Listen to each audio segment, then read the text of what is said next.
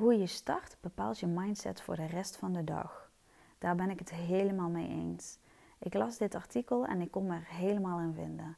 Ik sta altijd best vroeg op en ik neem alle tijd om me rustig te douchen, aan te kleden, op te maken en om mijn haren te doen.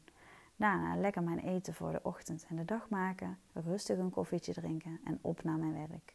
Op deze manier kom ik echt chill aan op mijn werk en niet gestrest zoals ik dat vroeger wel had. Alles snel, snel. Daar heb je eigenlijk helemaal niets aan. Je schiet er niets mee op en je voelt je alleen maar gestrest.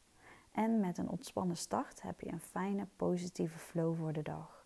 Want ja, als er iets niet goed is voor je lichaam, is het stress.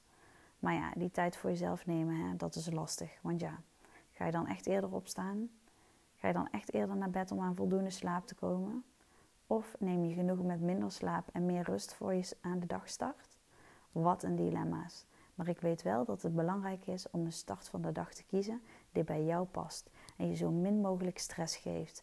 Want het spreekwoord zegt: een goed begin is het halve werk. Ook hierbij haal meer uit je dag met een goed begin van je dag. Hoe is jouw start van de dag?